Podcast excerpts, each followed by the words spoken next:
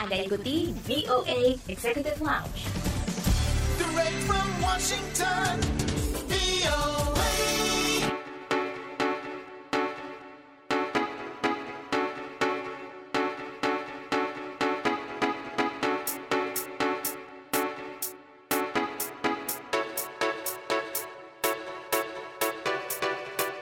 Halo apa kabar? Kali ini bersama Dania Iman dari VOA di Washington DC. Seperti biasa dalam VOA Executive Lounge, kami akan menghadirkan beragam informasi terkini dari dunia gaya hidup dan hiburan, juga cerita-cerita menarik mengenai diaspora Indonesia di mancanegara. Jangan lupa follow VOA Indonesia di Instagram, Twitter, dan Facebook untuk mendapatkan berbagai info menarik dan terkini dari mancanegara.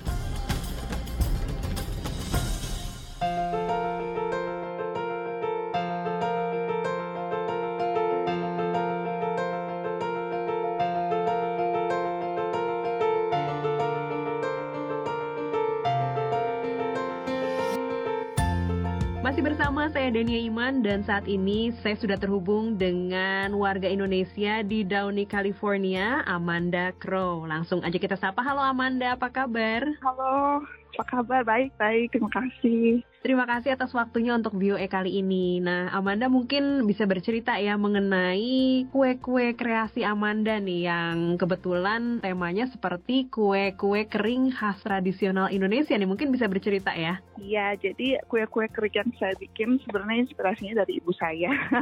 Nggak jauh, nggak bukan. Karena ibu saya dari dulu memang senang bikin kue kering di rumah gitu di Indonesia. Biasanya saya bantuinnya yang bagian lor-lorin doang tuh waktu masih kecil. Terus lama-lama saya mau tanya resepnya begini-begini, akhirnya saya belajar sendiri. Terus mulai saya coba saya tekunin bener gitu. Akhirnya Mm-mm. banyak kasih inspirasi ya ibu saya, tapi di waktu yang bersamaan saya juga cari inspirasi sendiri supaya nggak bosen macam-macam jadi kuenya gitu. Oke, nah ini kuenya ada apa aja nih? Amanda mungkin bisa cerita ya, karena ini kalau melihat di uh, Facebook gitu ya, di sosial media ini warnanya warna-warni banget nih kayaknya. Iya, jadi kurang lebih ada 9 macam ya sejauh ini aku bikin apa 10 gitu. Lumayan sih. Mm-mm. Eh, ada nastar, pasti klasik banget nastar. Terus ada nastar susu, ada kastengel, putri salju, terus coklat almond. Terus aku juga bikin kue jadul sultana yang Mm-mm. udah jarang di orang temuin. Itu yang tengahnya kita kasih kayak jam campuran buah prune sama kismis. Itu katanya kalau sejauh ini sih customer bilang udah jarang ditemuin katanya. Jadi Wow. eh, ya katanya itu kue jadul katanya. Rata-rata yang beli memang eh, customer aku udah senior. Jadi oh ini kue jadul aku masih kecil katanya. Akhirnya aku makin semangat tuh kalau udah customer ngomong begitu aku cari lagi kue-kue jadul yang memang udah jarang ditemuin. Apalagi kan di Amerika ya mbak. Ya jadi aku lebih seneng bikin kue-kue jadul sebenarnya Oke, oke. Nah ini ada yang warna hijau, ini apa nih Amanda? Oh itu klepon, itu klepon cookies. Sebenarnya waktu itu ada yang pesen klepon, cuma Mm-mm. minta dikirim keluar California gitu. Cuma aku nggak berani kan, takutnya rusak karena kelapa dan lain sebagainya. Akhirnya aku bilang gimana ya caranya supaya bisa orang nikmatin klepon tapi nggak takut cepet basi gitu loh mbak. Akhirnya saya utak atik resep berapa hari, akhirnya jadilah itu klepon cookies. Jadi luarnya itu sebenarnya sweetened coconut flakes, jadi kelapa kering yang manis itu loh mbak. Iya, iya. Jadi sebenarnya itu ke, eh, jadi rasanya persis klepon, isinya juga kelapa, pakai gula merah, gula Jawa. Aku beli di toko Indonesia, jadi rasanya persis klepon tapi cookies bentuknya gitu. Wah ini unik banget ya Dan juga nih ada yang nggak kalah unik Ada nastar wafer Ini apa nih Amanda? Nastar wafer jadi isinya wafer coklat, kita adonannya digulungin dulu eh, biar rata dulu di atas eh, ini, baru aku masukin nastar di tengahnya lalu digulung potong-potong menurut yang size yang aku biasa pakai gitu ya. Jadi isinya memang banyak orang nggak suka nanas juga, Mbak. Jadi aku cari alternatif lain selain nanas, ya aku isi isian keju susu. Itu aku bikin juga beda isian fillingnya. Terus ada wafer ini, aku pakai wafer coklat. Nastar baru tiga macam itu.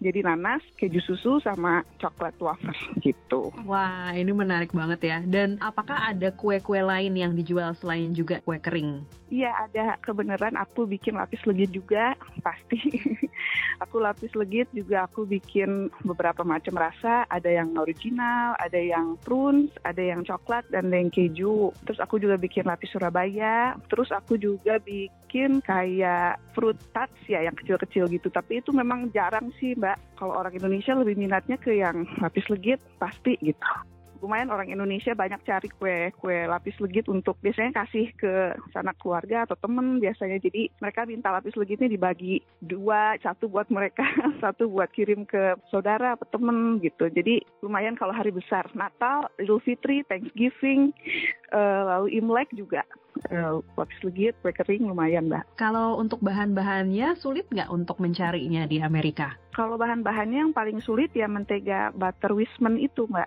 Karena aku Hmm. kan pengennya si lapis legitnya bener-bener enak gitu ya nggak nggak kering. Karena kalau kering kurang enak juga gitu. Jatuhnya jadi kayak yang kita beli-beli di toko supermarket jadi kurang ya kurang mantep lah gitu. Jadi aku harus cari si butter wismannya ini yang memang kadang susah-susah gampang. Ya alternatifnya paling aku minta kirim dari Indonesia ke sini gitu karena sebenarnya bahan-bahan yang lain sih nggak terlalu susah gitu ya Dan uh, yang paling favorit apa nih? Tadi kan uh, kalau lapis lapis legit gitu ya. Kalau kue kering apa nih yang paling favorit biasanya? Sejauh ini paling favorit nastar, Mbak. Hmm. Aku hampir setiap hari aku bikin nastar. setiap hari aku bikin nastar sama bikin jadi karena klepon itu baru aku keluarin menu baru kasarnya. Jadi banyak juga tuh peminatnya katanya nggak ada yang jual klepon bentuknya kue kering katanya. Kata saya wah ya syukur kalau gitu. Jadi itu apakah renyah atau kayak teksturnya kayak nastar, Amanda? teksturnya dia lebih light daripada nastar malah dia lebih airy lebih ringan ya jadi banyak tuh yang ngomong kalau makan nastar memang dua tiga udah cukup dulu stop dulu gitu. Karena lumayan lumayan berat gitu kan. Kalau misalkan eh, telepon cookies dia lebih ringan. Terus kata orang-orang banyak tuh customer aku aku tanya gimana teleponnya katanya. Lebih ringan Manda. Nggak nggak terlalu bikin enek karena aku sengaja bikin nggak terlalu manis kan mbak. Mm-mm. gitu. Isiannya karena sudah manis jadi si adonan si kleponnya aku nggak aku manisin gitu Baik, kira-kira kisaran harganya berapa nih untuk kue kering lalu juga untuk kue lapisnya? Ya, kalau kue kering satu boxnya itu sekitar 40 pieces aku masukin dalam satu box treat box aku gitu, itu harganya 28 dolar gitu. Itu semua rata gitu. Terus kalau lapis legitnya ukuran 20 cm ke 20 cm aku jual 85 dolar karena butuh waktu yang panjang buat bikin satu loyang kurang lebih iya 4 sampai 5 jam baru aku beres tuh si lapis legit. Kalau lapis Surabaya 55 dolar ukurannya sama sama lapis legit 20 kali 20 gitu. Baik.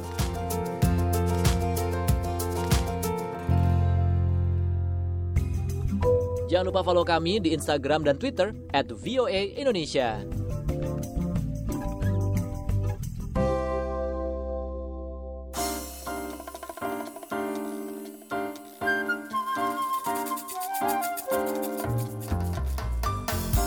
Pelanggannya siapa aja nih? Mungkin Amanda bisa bercerita ya. pelanggannya awalnya kan saya jualannya ke teman-teman deket aja gitu. Awalnya saya jualan kuenya malah kue kayak chocolate chip cookies gitu loh mbak yang sebenarnya yang bisa gampang kita temuin di grocery store gitu kan. Terus beberapa teman, eh, eh, beberapa teman saya request malah Manda coba kamu bikin kue jadul dong katanya. Ini susah kita di Amerika kangen katanya kue jadul gini-gini susah katanya carinya. Akhirnya saya beraniin diri lah bikin kue Indonesia kue jadul. Jadi rata-rata customer saya ini ibu-ibu, ibu-ibu. Terus kebanyakan juga udah umur-umur udah senior mbak malah kayak 50 ke atas gitu, 40 ke atas. Jadi iya. rata-rata gitu. Heeh. Jadi kalau misalkan ditanya customer sih, kalau menurut saya sih rata-rata umurnya udah segituan gitu. Karena sering rata-rata customer suka telepon saya gitu. Jarang Hmm. ada yang chatting, tapi kebanyakan juga mau kontak langsung ke saya melalui telepon. Baik, baik. Dan apakah ada warga yang selain orang Indonesia yang juga menjadi pelanggan? Sejauh ini uniknya cuma satu, Mbak. Ada dia warga negara Meksiko, dia tinggal di sini. Dia yang sering sering banget pesen ke saya itu. Karena aku coba waktu itu nawarin kue-kueku gitu. Mereka bingung kayak na- nawarin lihat harga lapis legit gitu loh. Kok mahal banget katanya. Iya, Kok mahal sekali? Iya, kok mahal sekali. Terus saya jelasin karena ini banyak telurnya, butternya susah dicari, terus salah dikit gagal semua gitu. Iya. Karena terus waktunya juga 4 sampai 5 jam, kadang 5 sampai 6 jam kalau yang pakai topping memang sedikit agak lama gitu. terus mereka mungkin lihat bentukannya unik tapi mereka mau coba kayak ragu gitu loh mbak sejauh ini Hmm. menurut saya pengalaman saya seperti itu gitu kalau orang sini rasanya mereka masih kayak ragu takutnya nggak cocok lidah mereka sepertinya seperti itu Kepikiran nggak waktu pindah ke Amerika nih, uh, akhirnya akan membuat kue dan mendapat pesanan yang sampai kebanjiran gitu? Iya enggak, enggak sama sekali enggak mbak. Malah waktu itu saya pikir saya tunggu work license saya, saya mau mau kerja biasa aja gitu kayak di grocery store apa di mana gitu kan. Waktu itu Mm. saya nunggu license saya kan agak lama juga. Tahunya saya keburu hamil anak saya yang pertama. Terus Mm-mm. eh, udah tuh jadi nggak nggak sempet saya ngelamar kerja dan lain sebagainya. Jadi ibu rumah tangga sampai sekarang gitu sampai akhirnya ya itu Oktober kemarin saya terinspirasi dapat hikmah buat buat bikin kue kering Indonesia akhirnya jalan sampai sekarang saya happy jalaninnya orang juga seneng yang paling bikin saya seneng kalau orang udah bilang eh, aduh homesick saya terobati atau kuenya mengingatkan saya untuk almarhumah ibu saya dulu bikin seperti ini itu selalu bikin saya lebih happy daripada nerima paymentnya. Iya, Karena- emang homesick banget gitu ya kalau jauh dari keluarga dan lain sebagainya. Dan makanan tuh memang salah satu obatnya gitu. Memang aku ngerasain itu gitu. Jadi enggak nggak kepikiran sama sekali mbak. Jadi sekarang bersyukur aja mbak. Aku bersyukur aku banyak temen jadi banyak customer juga dan aku happy juga jualannya gitu. Iya. jadi ya Biasanya pesanannya ini udah sampai ke mana aja nih selain di California, Amanda? udah ke waduh beberapa state mbak? Udah banyak banget gitu. Malah kemarin aku baru kirim ke Hawaii aku stres. Takut Wow. hancur kue iya aku udah beberapa kali kirim ke Hawaii aku takut hancur kuenya gitu. Tapi eh, alhamdulillah puji Tuhan nggak nggak apa-apa gitu selamat aja kuenya. Ya cuma kalau lagi apes kasarnya kalau USPS-nya kasar gitu kan. Kadang eh, Manda ini nastarnya agak agak-agak hancur nih atau kue apanya agak-agak remuk jadi kadang itu kendalanya gitu tapi sejauh ini ke waduh banyak banget Mbak. mungkin ada lebih dari 30 state yang aku kirim lebih ya Oke, oke. Ada tantangan lain nggak nih selain uh, pengiriman ya, yang kadang-kadang Ya. bisa bermasalah? Eh, mungkin yang butter yang bahan utama itu gitu. Karena Mhm. orang bisa apa ya membedakan lah mana yang pakai butter itu mana yang enggak. Apalagi kalau yang saya bilang tadi yang udah senior senior itu langsung to the point kayak wah kemarin saya beli di sini bla bla bla rasanya beda gitu. Ini kering apa ini kendalanya kalau lagi susah cari saya harus cari sampai dapet gitu kan. Kalau enggak ya saya nggak mau mending saya tolak si orderannya gitu. Daripada saya ngecewain orang jadi saya tolak. Kendalanya itu sama paling ya itu eh, shipping ya. Yang yang kadang lebih dari tiga hari terus orang mungkin mau kasih ke orang lagi gitu ngejar timingnya gitu. Jadi kadang itu aja sih mbak sejauh ini. Iya, iya. Ya, Baik, baik. Nah, ini ke depannya ada ada rencana lain nggak nih dari uh, kue Oma Amanda? Iya, pengennya sih lebih besar lagi. Maksudnya aku lebih official lagi lah gitu. Aku lebih punya website, terus juga eh, lebih masarinnya lebih luas gitu. Aku sebenarnya pengen masarin ke warga di sini gitu. Aku lagi mikir gimana caranya supaya mereka nggak terlalu asing gitu loh dengan kue-kue ini gitu. Aku memberanikan diri juga sedikit-sedikit tawarin ke tetangga aku gitu. Mau nawarin supaya mereka lebih orang-orang sini lebih tahu lah gitu. Cuma memang kalau keluarga dari suamiku setiap kayak hari besar kayak Natal, aku selalu bawa cookiesku. Mereka selalu bilang enak gitu, Nah, enak dan Mm. kayak unik banget rasanya katanya nggak nggak terlalu manis kayak kue-kue yang ada di Amerika gitu. Iya, beda Terus ya. Mm-mm. Iya, kalau kue di sini manis banget dan ukurannya besar katanya gitu. Kalau ini kan kecil-kecil mini. Iya, ini, iya. gitu. Jadi Oke. aku pengennya iya lebih luas lagi dan orang di sini juga lebih tahu kue khas Indonesia, kue kering hari besar gitu. Jadi Indonesia. Jadi ya rencananya pengennya lebih besar lagi, lebih luas lagi lah gitu, Mbak. Baik, terima kasih sekali nih Amanda atas waktunya untuk VOA kali ini. Semoga sukses selalu ya dengan pesanan-pesanannya nih. Terima kasih banyak. Kunjungi website kami di www.voaindonesia.com.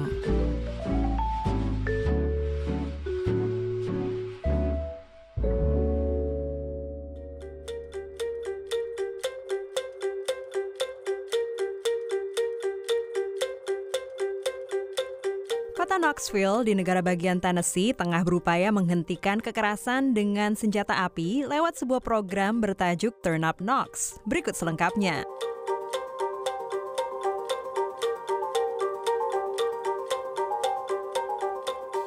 Knoxville telah menjadi salah satu dari semakin banyak kota di Amerika Serikat yang bekerja sama dengan para peneliti untuk mengembangkan sebuah rencana yang berbasis bukti guna menghentikan kekerasan senjata api. Ini adalah inti dari upaya kota Knoxville untuk mengikuti pedoman berbasis sains dalam memerangi lonjakan penembakan. Baru-baru ini, penilaian dari hasil penelitian mulai menyimpulkan bahwa terdapat cukup bukti untuk menyatakan intervensi kesehatan masyarakat, untuk menyatakan intervensi kesehatan masyarakat mana yang dapat mencegah penembakan, mana yang tidak, dan mana yang memerlukan studi lebih lanjut. Pendanaan untuk penelitian kekerasan senjata api tetap menjadi sebagian kecil dari dana yang dibelanjakan untuk penyebab utama kematian lainnya. Namun memang penelitian baru saja terungkap dalam beberapa tahun terakhir, kata Rebecca Cunningham, peneliti kekerasan senjata di Universitas Michigan. Di kota Knoxville, Turn Up Knox, program yang baru berusia satu tahun bekerja untuk membimbing anak-anak, sekaligus meredakan situasi yang dapat meningkat menjadi kekerasan di bagian timur Knoxville. Denzel Grant, direktur eksekutif untuk Turn Up Knox, mengatakan, We are dealing with a close to 50% poverty rate uh, in the black community, in a community that only makes up uh, uh, less than 10% uh, of its entire population. You, you can't find no other cities like that in America. Katanya mereka menghadapi tingkat kemiskinan yang hampir mencapai 50% di komunitas kulit hitam, sebuah komunitas yang hanya berjumlah kurang dari 10% dari seluruh jumlah populasi. Anda tidak dapat menemukan kota lain seperti itu di Amerika. Penelitian mendukung data polisi yang menunjukkan bahwa sebagian besar kekerasan bersenjata api terjadi di beberapa titik rawan, di mana sebagian besar terjadi di bagian timur Knoxville, yang kemudian melahirkan rencana untuk memfokuskan upaya polisi dan penjangkauan masyarakat di sembilan blok yang ada dalam lingkungan tersebut. Pejabat kota telah meningkatkan program musim panas untuk remaja yang melayani ratusan anak. Namun mereka mengakui masih banyak bagian yang belum terjangkau dan Turn Up Knox memerlukan lebih banyak sumber daya dan pelatihan. Charlene Roberts yang berusia 57 tahun kehilangan dua anaknya akibat insiden kekerasan yang melibatkan senjata api. Putrinya, Jessie, yang berusia 25 tahun, terbunuh oleh peluru nyasar pada tahun 2019 ketika ia sedang duduk di dalam mobil di sebuah restoran cepat saji yang memberikan layanan tanpa turun alias drive-thru. Sedangkan putranya, Kevin, yang berusia 33 tahun, terbunuh pada tahun 2021 akibat tertembak ketika menghadiri pesta ulang tahun. Kini, Charlene membesarkan putra Jesse yang bernama Princeton. Denzel Grant mengatakan, I think Knoxville will be, will be safe when our kids are safe. Menurutnya, kota Knoxville akan aman kalau anak-anak mereka aman. Sayangnya, saat ini mereka belum berada di titik itu. Dari Washington DC, VOA.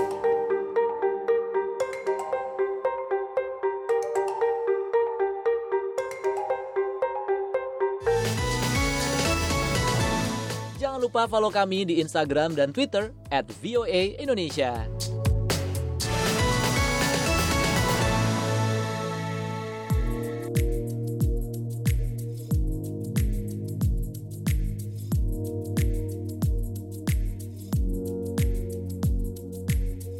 Kali ini bersama Dania Iman dari VOA di Washington, D.C.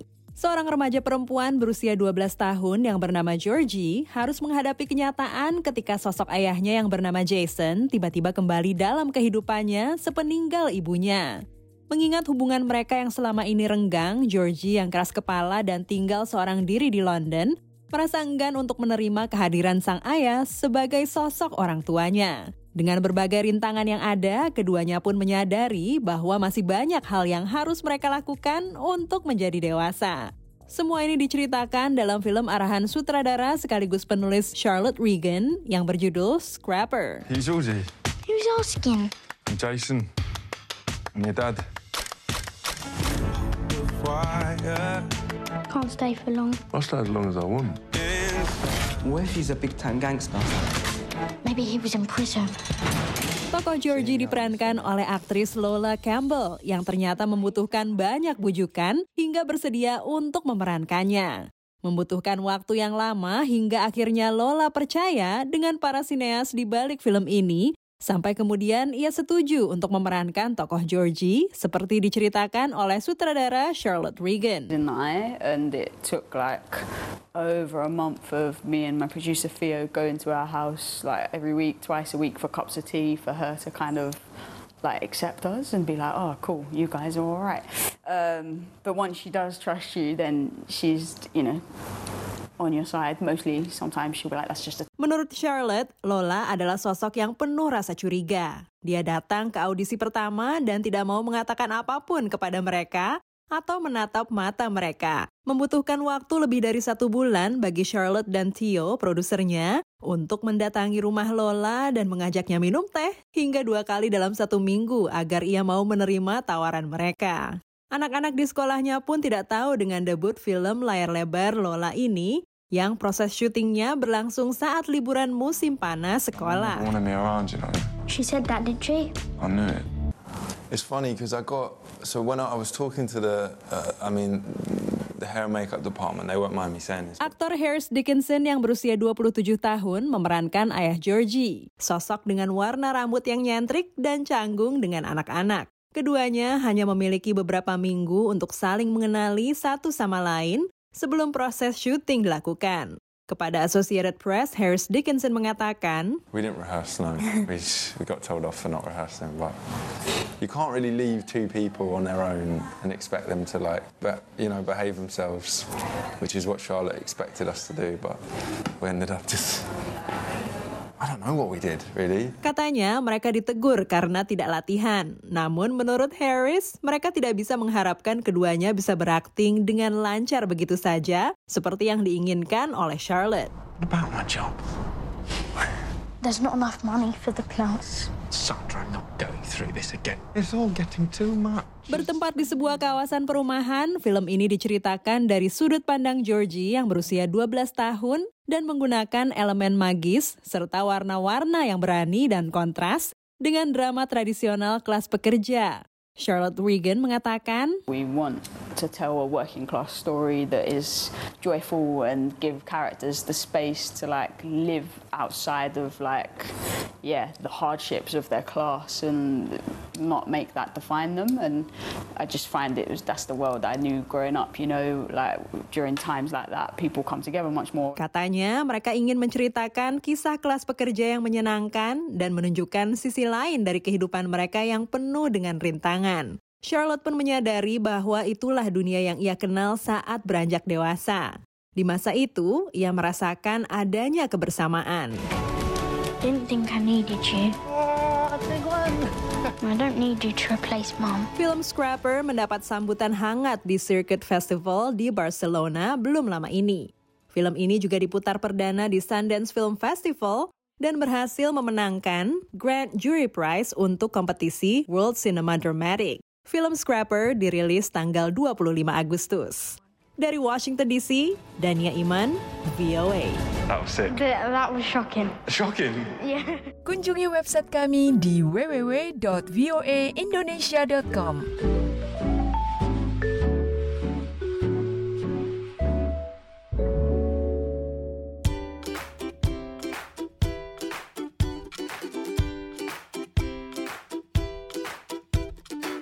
Dari VOA di Washington DC, masih bersama Dania Iman dalam VOA Executive Lounge. Sekarang sudah saatnya kami pamit. Jangan lupa untuk ikuti VOA Executive Lounge yang juga bisa disimak melalui website kami di www.voaindonesia.com. Simak juga podcast Kudos yang mengangkat kisah unik diaspora Indonesia di mancanegara melalui berbagai platform layanan streaming seperti Spotify dan Apple Podcast.